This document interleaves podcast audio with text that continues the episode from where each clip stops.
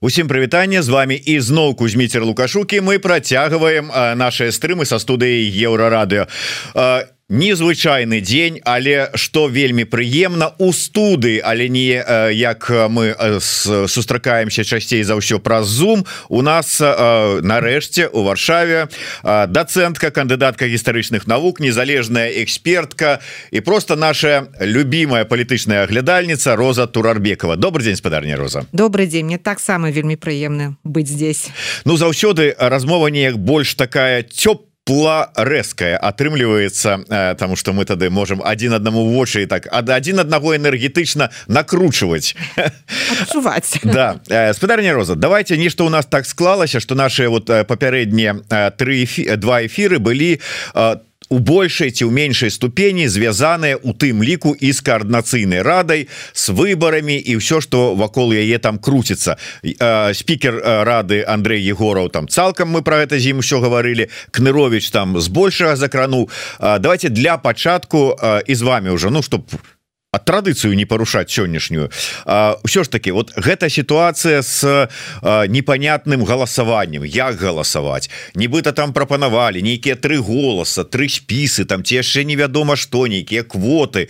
Зараз егораў кажа что ён выступіў учора с прапановай ўсё спрасціць до да мінімума каб было так як мы это привыклі один голас за аднаго кандыдата і гэтак далей. Все ж таки а, ці вырашыць гэта э, сітуацыю спрэчкі вакол таго як галасаваць э, ці спросціць гэта людзям саму сістэму галасавання? То есть вот як это ўсё будзе? Як вам бачыцца? Ці не пар не спародзіць гэта зараз чарговую э, там спрэчкі абмеркаванне яшчэ на гады паўтары адцягне выборы у коаардынацыйную раду? Так вот я этого и боюсь что э, Вроде как Координационный совет определился с системой а, выборов, системой голосования. А внутри был очень длительный процесс обсуждения, выдвигались разные проекты. А эти проекты были, скажем так, выделены в разные варианты, и люди просто голосовали за разные варианты там, по трем-четырем пунктам. И в итоге получилась э, ну, такая средняя арифметическая, я бы сказала – вот, например, то, то, за что я голосовала, из того, что у меня, например, получилось, у меня получился всего один, может быть, пункт из трех. Да? То есть я себе даже не так представляла эту систему. Но я человек в этом смысле как-то коллективный. Я понимаю, что если большинство проголосовало за эту систему, я имею в виду Координационный совет, конечно, большинство голосов, то значит так тому и быть. Если мы с вами продолжаем обсуждать эту систему, не, не останавливаемся на том, что выдвинул Координационный совет, лет, да, вот здесь вот я боюсь, что может протянуться это время, затянуться а, в системе выборов. Но в связи с тем, что неоднозначно была встречена эта система, и главное, для того, чтобы понять эту систему, надо же заниматься популяризацией этой системы, а ее еще не стали разъяснять, и со стороны она выглядит сложной. И даже мне она вначале, поначалу показалась сложной, пока я не стала в это дело вникать а, даже в связи с тем, что такая реакция была неоднозначная на то, что предложил Координационный совет, даже в связи с этим, ну, сейчас возникает вопрос о том, чтобы начать эту дискуссию, вот этот самый оргкомитет э, достаточно расширенный создается, где, я так понимаю, попытаются обсудить э, эту систему на более широкой основе, нежели чем просто на площадке Координационного совета. Я думаю, возможно, вы видели этот список. Да, Андрей, да, скорее всего, Егоров, возможно, вам даже его представил. Там представлены буквально все политические силы, те, кто нравится, и, может быть, даже не нравится, и, э, и, и э, тот самый и Зенон Поздняк, например, и Цыпкало. То есть это как бы тогда уже давайте, если уже демократию тут, э, извините за выражение, разводить по полной, вот она предлагается, такая система. Конечно, очень э, вот этот вот расширенный оргкомитет, я думаю, я предполагаю, что там будут достаточно жесткие э, те самые... Э, споры и дискуссия, но это такой тоже экзамен на демократию у нас. Э, это первое, что я хотела бы сказать. Второе, что касается вот этих трех голосов. На самом деле там не так все сложно. Это все соответствует так называемой пропорциональной системе выборов. Э, выдвигаются фракции закрытым списком. С одной стороны, с другой стороны есть вот эта вот квота для НКО, не гражданского, гражданского сектора вот этих организаций гражданских. И третий э, вопрос – это вопрос, связанный с квотами для женщин. И это, конечно, вот эта система э, квот, она немножко, немного усложняет вот. И она накладывается одно на другое. Ну, так у нас проголосовали, так у нас люди придерживаются таких взглядов, что там надо поддерживать женщин, надо поддерживать гражданский сектор. А здесь надо э, сделать фракционное голосование с тем, чтобы наконец-то фракции определились со своей идеологией, со своими идеями, и потом бы отвечали за их реализацию. То есть, в общем и целом, это был такой шаг навстречу к нашему идеалу парламентской республики. Вот. И если бы провести хорошую разъяснительную кампанию, а не опять возвращаться к старой примитивной системе «один человек, один голос», и тогда мы опять с вами в конечном итоге выходим на президентскую республику, на, тот, на то, от чего мы с вами уходим. Ну, что я могу сказать? Ну, как бы, возможно, сейчас люди и не готовы, как там э, говорит Андрей э, Егоров, что эм, когда он встречался с диаспорами, что диаспоры на уровне диаспоральном высказывали, что чем проще система, тем лучше. А, сложно с этим, конечно, спорить, но с моей точки зрения это не, не далеко не совсем так. А, но, еще раз повторюсь, если есть такой запрос, надо это дело обсуждать в оргкомитете. Пускай этот оргкомитет будет расширенный, а не опять ты да я, да мы с тобой. Там, скажем, а, это координационный совет, НАУ, тот самый кабинет и офис Тихановской. Ну, тогда давайте всех вовлекать, тогда давайте всех привлекать, тогда давайте действительно всерьез создадим широкую платформу, на которой будем обсуждать, потому что это касается всех белорусов, это касается не только тех активных белорусов, которые все время в фокусе внимания. То есть, в общем и целом, э, я не вижу, конечно, в этом драмы, э, но у меня есть определенные опасения, связанные с тем, что мы теряем время, Первое. Второе, что не было проведено нормальной разъяснительной кампании. Уже есть попытки поставить крест на так называемой сложной системе голосования. При этом как бы нет попыток хороших вникнуть, что это за система. А эта система она вот, например, для меня, вот там еще раз повторюсь, из трех вопросов, по меньшей мере два вопроса мне не очень понравились. Но я принимаю это как есть. А один вопрос как бы так, как я голосовала, так он и прошел. А, в общем и целом, я думаю... Вам не, подоб... не сподобаліся квоты? А, да, части, да, но я, я не против а, позитивной дискриминации женщин. Это называется позитивная дискриминация женщин. Потому что у меня, если честно, нет такого расклада относительно состава Координационного совета, соотношения мужчин и женщин а, политически активных, которые принимают активное участие в политике сегодня. Если бы у меня появился такой расклад, я бы, наверное, бы тоже, может быть, пришла к выводу о том, что нужна, нужна квота. Вот, если честно, я даже в шутку хотела написать, но не сделала этого, но это в шутку еще раз. Если уже писать о квотах, да, то тогда женщинам нужна квота в 50% плюс один. Потому что, ну, если в соотношении с э, реальным состоянием белорусского общества, тогда у нас больше 50%. Я имею в виду женщин. Угу. И тогда это будет справедливо, скажем так. Но а, раз политика это конкуренция, и в конкуренции, ну, возможно ли преференции для какой-то одной отдельной, пускай даже самой большой группы? Это большой вопрос. Надо смотреть на то, какой сегодня расклад в целом по политическим силам и группам. И если выясняется, что в основном женщины занимаются, заняты в секторе гражданского общества, там, а, организаций, да, которым определяется очень маленькая квота в Координационном совете, тогда я согласна. Я думаю, что в этом смысле есть э, в этом есть смысл, скажем так. Это как бы норма в цивилизованных странах. Это норма, например, там в Швеции такая норма была, еще где-то была норма там 50% и так далее. Это даже распространялось там на э, executive power, то есть имеется в виду на исполнительную власть. То есть это вообще норма, да, в цивилизованном обществе. А, то есть как, как бы, когда говорится о равных принципах э, конкуренции, таким образом выравниваются эти права конкуренции. Но я голосовала иначе.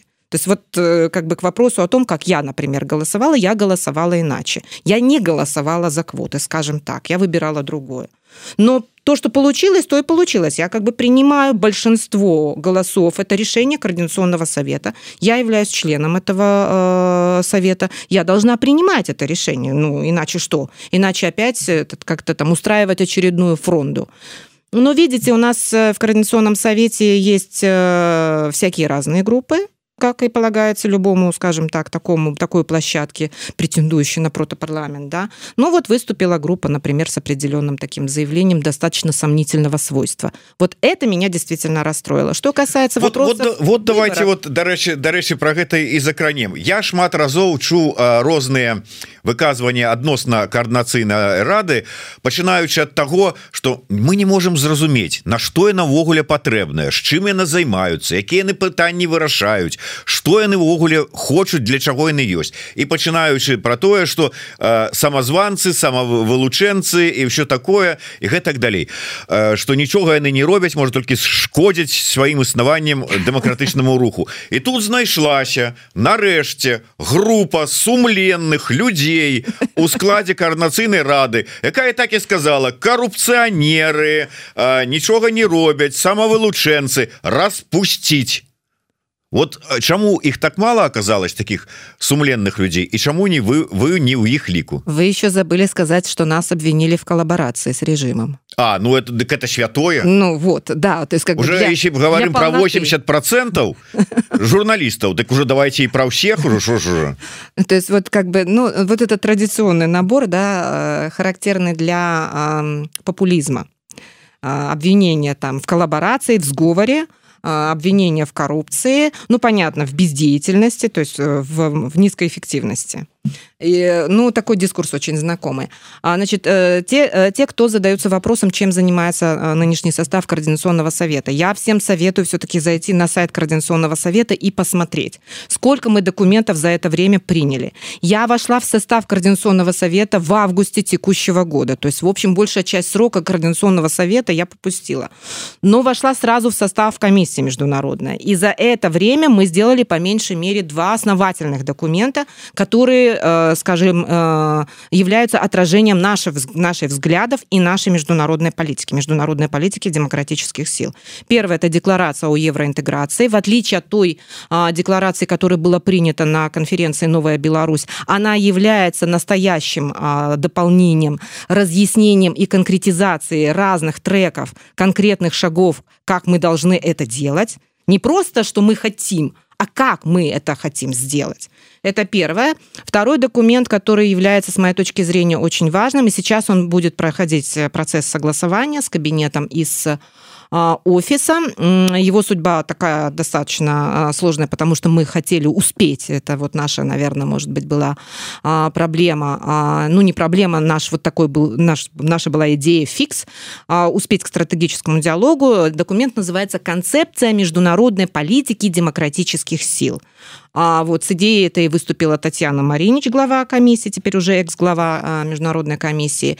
И, и она была создана для ради этой концепции была создана большая группа, не только из узких круг да, ограниченных лиц, я имею в виду членов да, комиссии, но и были привлечены эксперты, а, наши белорусские эксперты достаточно высокого уровня, всем они известны. Я не могу сейчас огласить список да, а, этих фамилий. Вначале я получу разрешение на то, чтобы огласить их список, потом уже буду об этом говорить. Но поверьте мне, это люди очень э, сведущие, каждый в своей сфере. И мы вместе занимались разработкой этого документа. Потом этот документ, такой маленькое, маленькое короткое содержание, было сделано на английском языке к стратегическому диалогу, но, к сожалению, э, не, так не случилось, что был представлен этот документ, но мы не бросаем, скажем, не оставляем надежды, что мы этот документ согласуем и, наконец, опубликуем. Сейчас мы проходим процесс внутреннего обсуждения. Это то, чем мы на самом деле занимаемся. Это мой ответ господину Ледовскому и компании. Вот самое интересное, что э, люди, которые а, присоединились к, этой, к этому заявлению относительно того, что мы ничем не занимаемся, только занимаемся распилом, чем-то там еще, а, коллаборация, все время забываю про коллаборацию с режимом. Вот, э, они, к сожалению, некомпетентны в, этих, в этой сфере, но они берутся судить об этом. И вот меня беспокоит вот такое еще и непрофессиональное отношение. Вы уже, если критикуете, ребята, то критикуйте профессионально. Берите экспертов в сфере международных отношений, которые бы понимали отличие различие между стратегией и концепцией внешней политики. И, и как бы уже исходя из э, профессиональных знаний критиковали бы это. Сидеть на каком-то YouTube-канале э, и говорить, что это фигня, потому что им кто-то там что-то сказал, это, извините меня, не разговор. Но это к вопросу о том, кто чем занимается и кто кого за что критикует. Насчет распила или там насчет вот этой вот, как-то там коррупционной культуры, да, было сказано. За вот это время, когда, например, я являюсь членом Координационного совета с августа по вот декабрь текущего года, за это время я не получила ни одного э, бонуса ни в каком качестве, кроме как а, ареста квартиры и дачи сомнительный бонус, я бы сказала. Э, я только пострадавшая сторона, и я не единственная такая, там большинство таких. А, люди, у которых осталась не, не проданная, не ликвидированная собственность, они пострадали, пострадали родственники этих людей, я имею в виду членов Координационного совета. Вот это все презрев, выступить с подобного рода заявлением, мне кажется, это еще и проявление неуважения к членам Координационного совета, которые не только что-то там получали, а, потому что все абсолютно на волонтерских началах, по крайней мере, работа международной комиссии абсолютно на волонтерских началах, а вот, но еще и пострадали за это. Вот. Мне кажется, что это свидетельствует об определенном уровне политической культуры. Одно дело обсуждать систему выборов – совсем другое дело выступать с подобного рода заявлением. Мне кажется, одно от другого надо было бы отделить, но, к сожалению, все свалилось в одну кучу.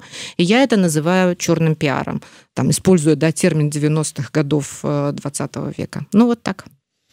Э, Владимир Кисляк пишет «Э, Роза вы перекладываете свою ответственность гражданина на иностранных партнеров которые не обязаны наводить порядок в стране что-то я вот у вашем зараз э, спичи не почу вот такого ну, перекладывания. спекуляция манипуляция. Это манипулятивные вещи и спекулятивные вещи. Я ничего не поняла я вопрос не поняла я не, так сам он, я так само не адресовано потому владимир кисляк кайласка тлумачьте конкретно кто на ком стоит как говорит как говорил профессор преображенский в свой час спадарня роза добра коорднацыйная радио коорднацыйна радавая давайте і далей все ж таки палітычны аналітык не часто у нас в эфиры у, у, у живым жыўцом у студыі тому давайте я вас па-інш мяне уразіла у Э, выказыванне э, Ну здавалася б ёсць нейкі там маргінал э, под назвай прилепін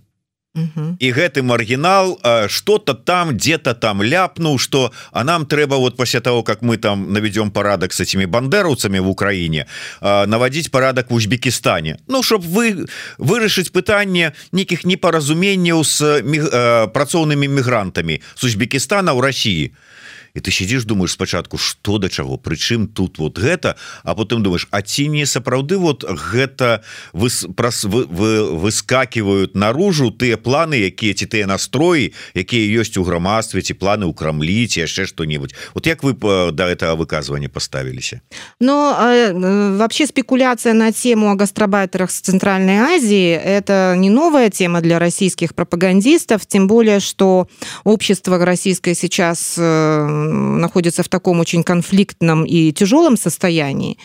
И э, надо предлагать, видимо, какие-то нарративы, которые бы отвлекали от главной темы. А главная тема – это война и потери.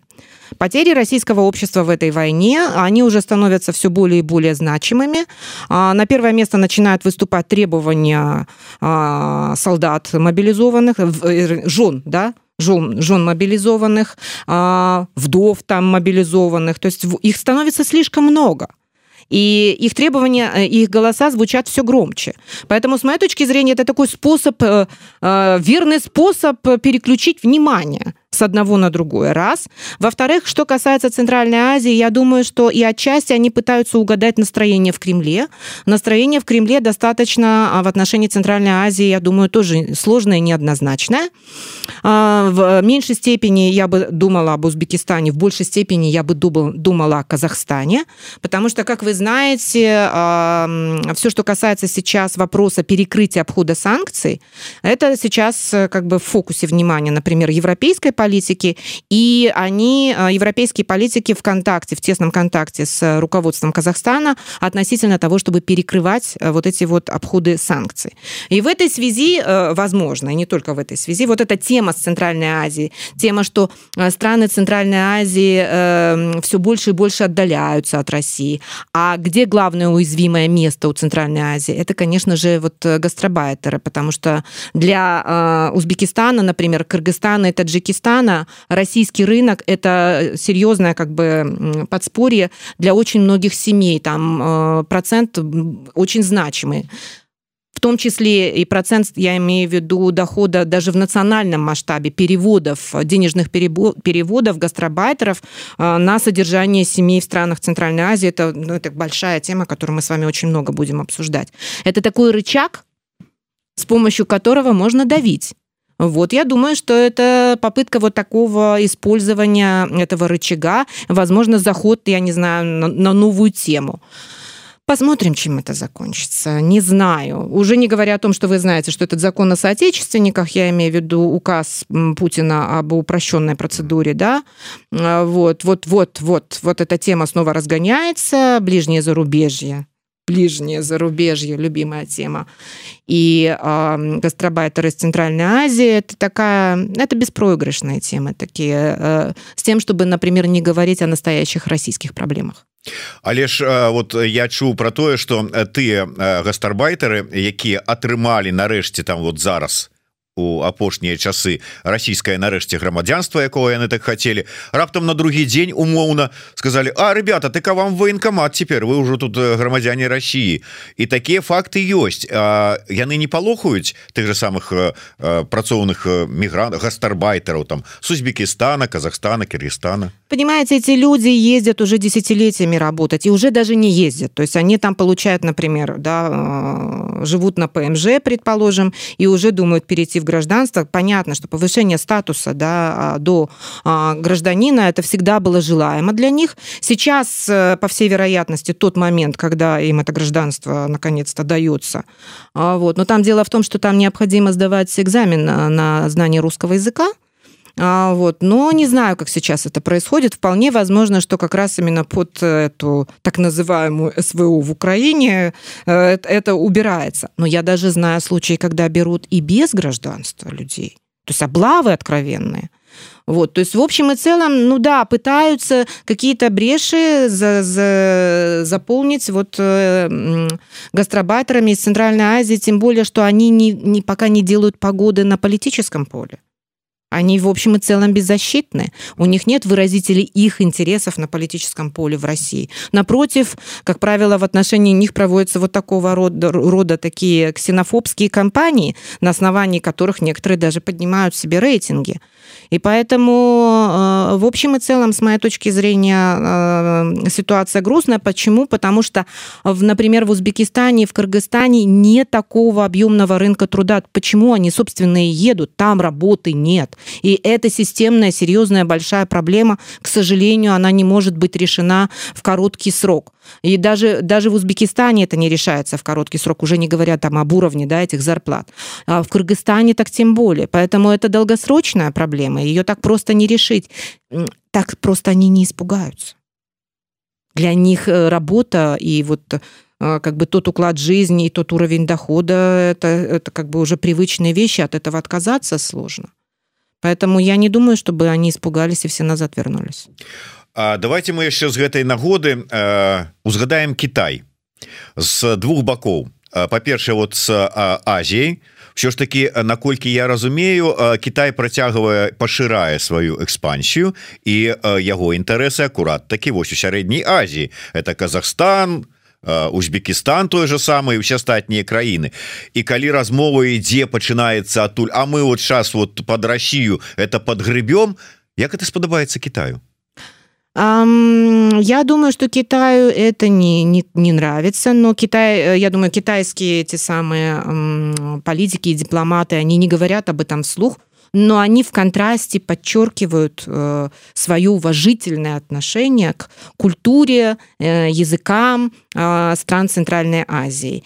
И вот то, что сейчас установлены такие особые отношения между Си Цзиньпинем и президентом Казахстана Такаевым, в контраст с тем, что Лукашенко не попал на этот саммит «Пояс и путь», у Такаева была специальная индивидуальная программа – визита в Китай. После саммита «Пояс и путь» Такаев поехал в северо-западную часть Китая, которая да, граничит с Казахстаном, где его там прекрасно принимали, у него там был большой визит, он там посещал очень много мест.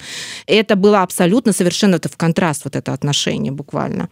Я думаю, что Китай в общем и целом таким образом, по-своему, по-китайски, не грубо в лоб, а, но вот по-своему по-китайски дает понять, что Центральная Азия – это не тот регион, который, в котором можно завтра провести какую-то там СВО например, да, это первое. Второе, э, что касается э, в целом интереса Китая к странам Центральной Азии, для Китая крайне важно, что Центральная Азия является источником а, полезных ископаемых.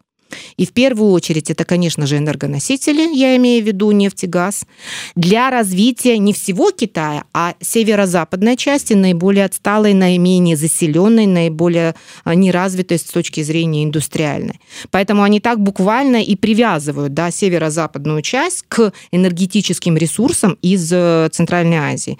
Туркменский газ – казахская нефть, узбекский газ. Э, это все уже давным-давно эти ветки построены. Другое дело, что в Казахстане очень долгое время а, как бы вот эти нефтяные месторождения, они разрабатывались, и сейчас постепенно этот нефтепровод заполняется. Сюда же пытается встроиться сейчас и Россия, потому что у России фактически как бы экспорт э, в Европу перекрывается, сужается. Там есть, конечно, обходы там и так далее, но это все, конечно, не то. Поэтому ну, тут очень там разные комплексы интересов, и я думаю, что у Китая сейчас отличное время для подъема а, своего статуса своей роли в делах Центральной Азии. Но для Китая, конечно, важна также и Россия. Вот, по-моему, вчера Мишустин был в Пекине. Это сегодня я смотрела отчеты, которые писали западные СМИ. Они же, конечно, ревно ревностно наблюдают за отношениями между Россией и Китаем. И там, конечно, звучат э, какие-то феноменальные цифры роста торговли, экономического сотрудничества, то есть те цели, которые были намечены в 2019 году к 2020, по-моему, концу четвертого года, они уже достигли этих целей. Самый большой рост торговли там был в 2022 году, по-моему, на 30% рост товарооборота между Россией и Китаем. В общем и целом, конечно, Китай будет но я бы сказала, проводить вот эту сбалансированную политику хороших отношений с Россией и в то же время усиление своего влияния в Центральной Азии мягко, постепенно, но поступательно. Вот там, куда они приходят, они оттуда не уходят. Это один из важнейших, я бы сказала, одна из важнейших характерных черт китайской внешней политики, причем традиционно, вне зависимости КНР там это или какая-нибудь там империя Хань и так далее. То есть в общем и целом я вижу роль Китая сейчас в этом. Это такой сильный балансир России в регионе калі працяг ну перанесці ракурс троху на Беларусь і можа быть падсумаваць троху вынікі года. Лукашенко ж так імкнуўся под крыло до Китая схавацца. Вот падсумоўваючы до конца года атрымалася у яго это схаваўся под крыло у Китая ну процентов на 40 вот я бы вот из из тех планов которые хотелось бы ему да из 100 процентов удалось процентов 40 это я еще комплимент делаю Потому что, несмотря ни на что, самыми главными структурными проблемами, которые видит китайское руководство в Беларуси, в белорусской торговой политике, в первую очередь, в целом в Беларуси для себя, эта проблема не решена. То есть нет гарантии безопасности транспортировки грузов. Это главное потому что отношения между Белоруссией и э, странами Европейского Союза, граничащими с Белоруссией, они не улучшаются, они ухудшаются. И угроза транспортной блокады, которая была э, в конце лета текущего года, всерьез, я думаю, Пекину э, как бы не, не напугал, но насторожил. И в этом смысле мы с вами уже неоднократно об этом говорили. Им представляется Лукашенко не совсем хорошим гарантом вот этих вот отношений, обеспечения обеспечения а, бесперебойного, спокойного и безопасного транспорта, вернее, этого транзита грузов, китайских грузов в Европу. Ну мы таксама з вами гэта гаварылі ўжо не один раз але тым не менш ўсё ж таки ну відавочна як ну прынамсі пачаць паляпшэнне адносінаў з Польшчы Ну для начала один чалавек Анжей пачобут я согласна с вами і, і ну вот чаму Китай не можа неяк ну я не знаю так непразрыста по-китайски намекнуть чтобы это решение было принято Я думаю, что они ему намекают. Может быть, и корзина с яблоками об этом тоже намекала. Но, правда, там есть разные версии насчет этой корзины яблок. А, вот. Но, э, возможно, он что-то им обещает. Еще раз повторюсь, возможно, он им что-то обещает, но самого себя, видимо, не может преодолеть. Э, для него, видимо, это вопрос все-таки э, более принципиальный. А, и освобождение знаковых политзаключенных – это, наверное, тот вопрос, который он ни с кем не обсуждает вообще, в принципе, как и отношения с Российской Федерацией. То есть это э, две сферы, я имею в виду знаковые политзаключенные отношения с Россией, которые только он решает, и он ни с кем не советуется, и он никому не позволяет влиять на себя. Это его самые больные темы. Это, видимо, возведен, эти темы возведены в ранг, э, как это, жизненно важных для него лично. Поэтому в этой связи намеки Пекина могут быть и, и, и, не, и не самыми важными для него. Важные он хочет, но не самыми важными. И я думаю, что он все-таки э, рассчитывает, держит это, э, как это, заложников до последнего. То есть есть заложники, а есть заложники. Это он как раз, я думаю, почему-то видит э, таким заложником, которому время еще не пришло. я пачуў такую досыць разумную думку про тое что ну, вот глядзіце а Чаму э, ці прыйшоў час гандлявацца вось гэтымі закладнікамі? Таму что э, калі нават паглядзець на ўсе тыя санкцыі якія накладзены яны ж накладзеныя не з-за таго что у нас толькі афіцыйных паўтары тысячи палітвязняў а не афіцыйных больш за тры тысячи яны накладываліся нас за самолет за войну за ўсё что заўгодна. то а не з-за палітвязняў і не з-за таго что робяць э, так званыя сілавікі с беларускім грамадствам у Беларусі. І таму э, чым гандлявацца? Ён же ж не ну гандаль не пачаўся. Мы давайте я выпущу стока чалавек каб вы знялі санкцыі. А прычым тут этыя людзі калі санкцыі за самолет Да, и э, э, там те, что санкции за самолеты секторальные уже санкции, да, а те, что до самолета, это как раз были санкции по поводу политической ситуации в Беларуси. Э, но э, в принципе, в принципе, э, торг возможен и здесь даже. Я предполагаю, что, например, если бы Лукашенко предложил выпустить всех политзаключенных в обмен на отмену санкций по Калию, возможно, это бы и такого бы обмена не произошло, но это могло бы послужить началом для тех самых переговоров, о которых иногда говорится, в том числе и отдельными представителями Координационного совета. Вот, но он не предлагает, потому что, я еще раз повторюсь, по всей вероятности, он считает этот вопрос а, именно жизненно важным для себя. А, видимо, пока он считает, что его жизни не так сильно угрожают. Вот мне так это видится, если совсем упрощенно, да. Если говорить не упрощенно, например, сравнивая с теми санкциями, которые были до того, извините меня за этот академизм, а, я а, вот занималась этим исследованием именно международного опыта санкций, как этот международный опыт санкций может быть полезен для нас, в том смысле, какие могут быть результаты. Так вот, э, обращая внимание, что американцы первыми же пионеры были, это же их изобретение вообще, в принципе, санкционное давление, образования, да. Вот. Э, в Дрексельском университете есть вот база, э, где были собраны все санкции, начиная с конца 50-х, включая до 2019 года. Они там провели исследования, классификацию, эффекты, влияние, где работает, где не работает и так далее.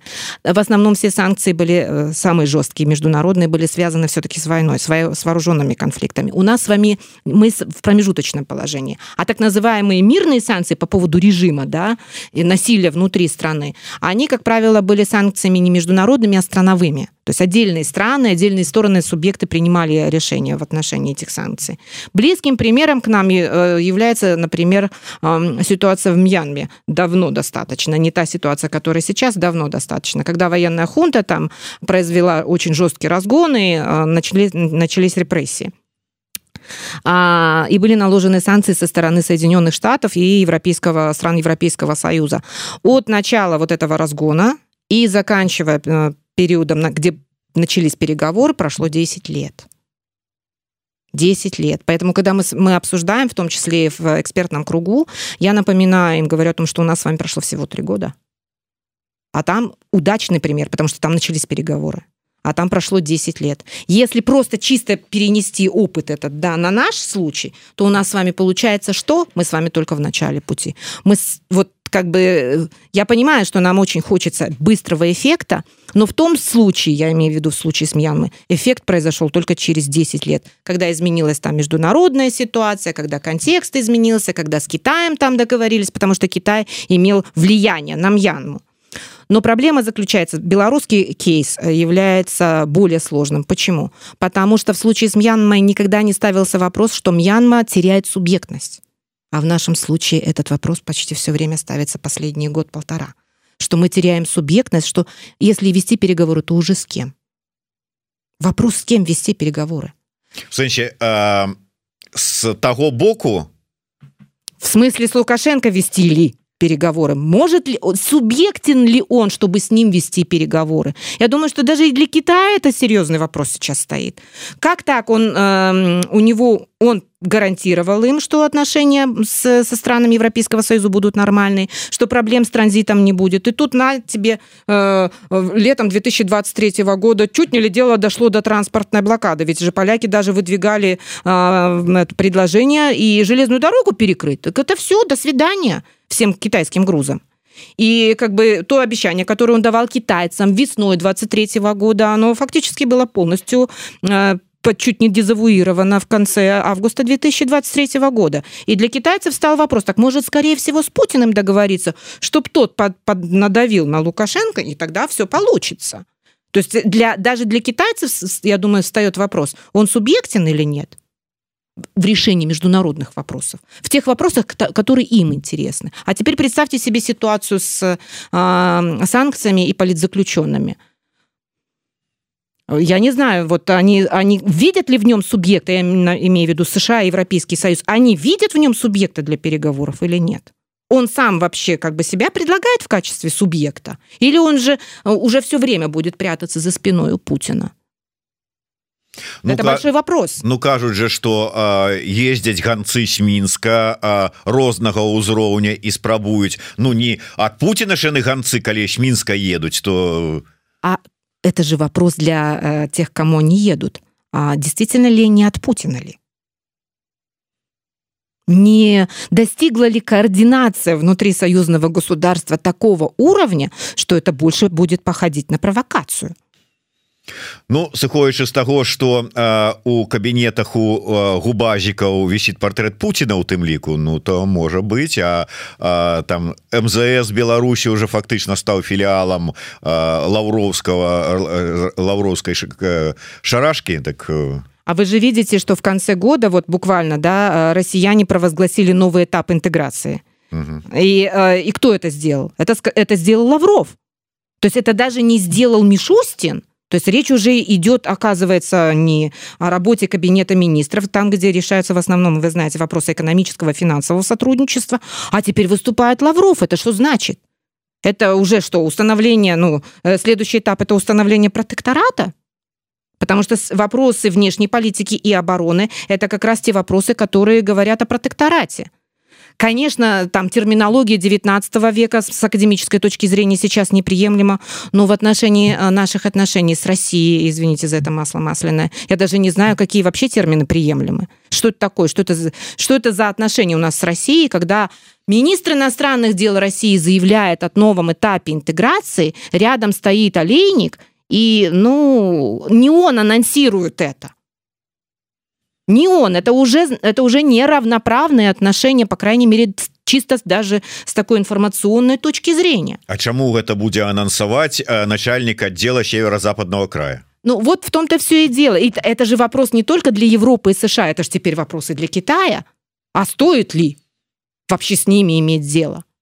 Карена копаў пытаецца як, як выглядаюць узаемадачыненні паміж спадарыняй розай і беларускай мовай. Вот на гэты конт я за спадарыні розу магу адказаць спадару акопаву Як бачыце выглядаюць паступова я говорю по-беларуску спадарыня роза выдатна мяне разумее гэта першы этап. Другі этап. Спадарня роза у фейсбуку уже пачала пісаць свае допісы по-беларуску третий этап будзе назовем это умоўна этапам шрайбмана калі яна перайдзе у эфиры со мной на беларускую мову. Але А вось узаемадачыненні лукашэнкаўскага режима і як беларускай мовы так і беларускай культуры івогуле нацыянальнага ўсяго. Вот як вы опісваеце на фоне того что адбываецца. Да дарэчы ведалі бачылі у нас же нават эту галоўную даносчыцу і змагарку с усім беларускім бондарову нейкім там медалём узнагародзілі.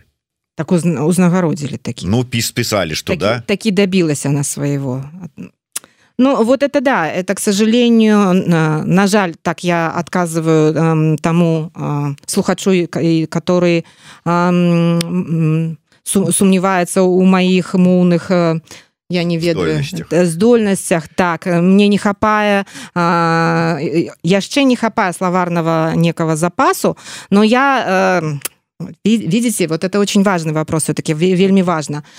Я э, зараз размаўляю со сваім старшим сынам на беларускай мове і я прашу яго со мною размаўляць дабы ну там гэта для меня вельмі важно. На жаль я не заўсёды маю такую магчымасць каб размаўляць-ввогуле тому что я у, асноўным не не, не то не столькі размаўляю сколькі пишу і таму для мяне гэта конечно гэта такой вопрос моўнай практыцы і такой возможности, можливости.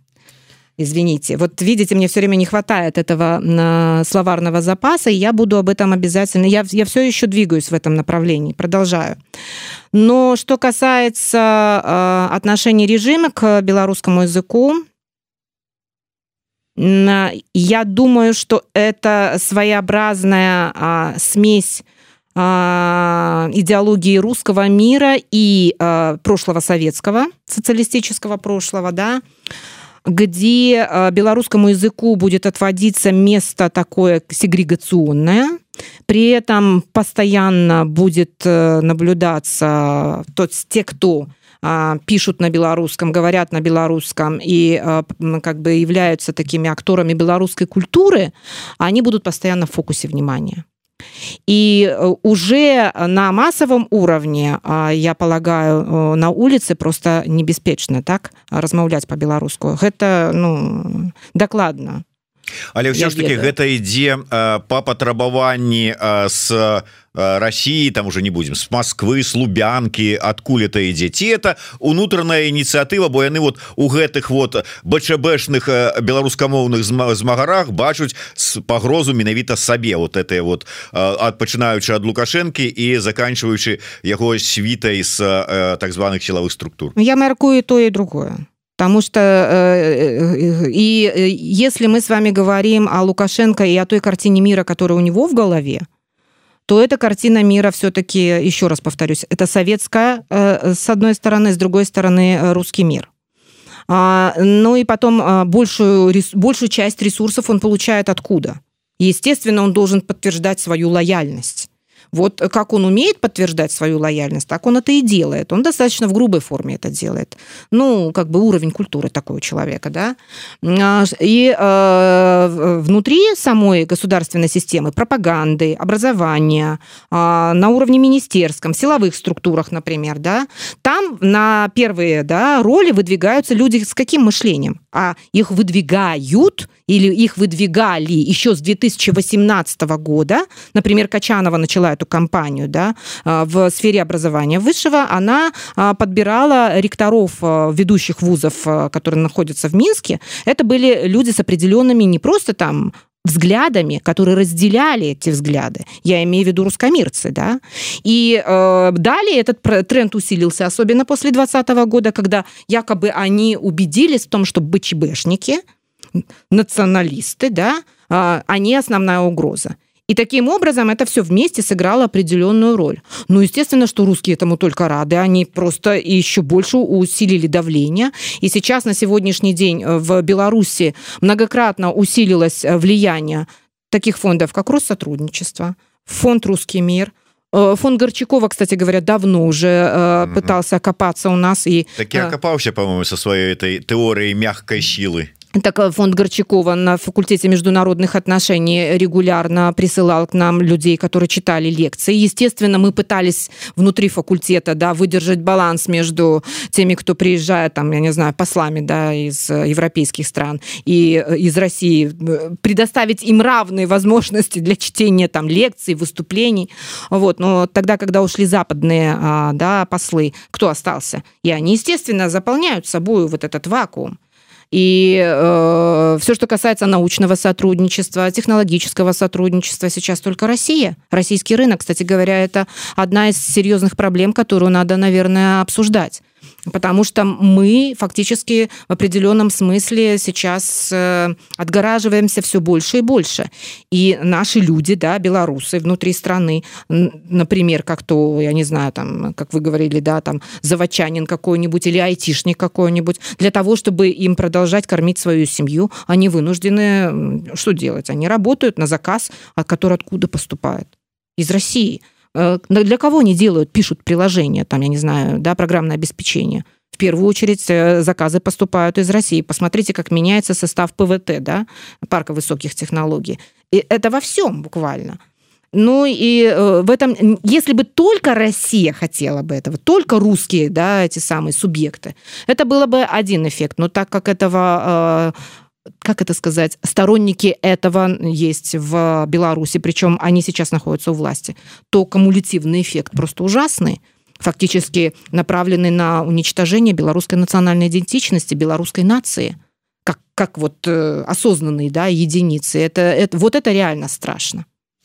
Дарэчы я хотел бы зрабіць такую э, невялічкую рекламную паузу Ну па-першае не забывайте подписываться на телеграм-канал спадарыні розы зараз посылочка будзе у, у нас у комментарах э, для того для тых кому это бяспечна не забывайте подписываться на YouTube канал еврорада э, расшарвайте э, націскайте на звоночек э, комментуйте Ну самі ведаеце дарослыя ўсе люди Ну і яшчэ ось у мяне такая бачите э, выдатная э, скрыначка ёсць а ў ёй такі выдатны каляндарчык. А быў падобны у мінулым годзе сёлета яшчэ лепшы. Тут беларускае слово на кожны дзень. Кожны дзень новое беларускае слово прычым ёсць яшчэ пераклады на іншыя мовы як яно гучыць по-англійску там по-польску по-чэшску вельмі выдатная такі падаруначак от выдавецтва беларускага выдавецтва ў краты кракаве гутенберг. І дарэчы до конца гэтага года у вас есть магчымасць атрымаць скидку заходите на сайт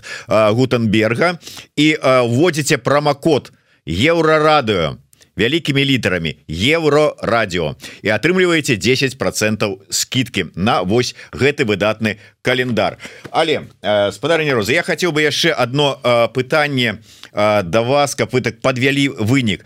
На фоне э, того что адбываецца э, датычна беларускага пытання назовем гэта так у літве. І зараз вот э, паспрабаваць падсумаваць вынікі года у э, у адстойванні правоў беларусаў па ўсім свеце якім займаліся дэмакратычныя сілы. Вот э, гледзячы на тое что мы маем у літве і вот греючы там вот постоянно ж ездзілі постоянно беларуская повестка постоянно там абяцанні чулі от э, палітыкаў розных краінаў что мы беларусам той мы беларусам гэта. А тут вот такое. Вот подведзіце вынік. А что касается белорусского вопроса в Литве, а, то, а, к сожалению, мы сейчас вступаем не в очень хороший, как мне кажется, период. Это не хороший тренд. Я все-таки считаю, что я долгое время воздерживалась от того, чтобы дать э, этому э, характеристику как именно тренду, не отдельным случаем, да, каким-то действиям отдельных политиков, а именно, что это тренд. Но, к сожалению, последние какие-то новости а, меня все больше убеждают в том, что, наверное, все-таки это уже тренд. А, первое, о чем я и говорила ранее, что это может стать частью предвыборной кампании определенных политических групп. Это, во-первых. Во-вторых, для спецслужб Литвы, по всей вероятности, был серьезным, было серьезным вызовом то, что происходило а, после а, летом и далее осенью 2023 года. Я вам напомню, может быть, вы уже, слушатели, может быть, уже подзабыли, речь шла о ЧВК «Вагнер», о возможностях его проникновения да, на территорию Литвы и Польши через Сувалкский коридор, о том, что вообще, в принципе, чем может заниматься ЧВК «Вагнер», при том, что так много погранпунктов с Литвой и непосредственно столица Литвы, Вильнюс, находится очень близко к государственной границе. И я думаю, что все это в совокупности сложилось в такой тренд. А, тренд на то, чтобы эм, э, сокращать а, численность пребывания белорусов, в смысле, ну, предотвращать, по крайней мере, да, рост а, численности белорусской общины в Литве, потому что они видят в, том, в, в этой численности определенную, ну, не, не угрозу, но вызов, потому что слишком много учитывая то население, которое есть в Литве и в частности в Вильнюсе, меньше трех миллионов в целом в Литве, да, где-то в рамках, там, не помню, 600-700, по-моему, тысяч.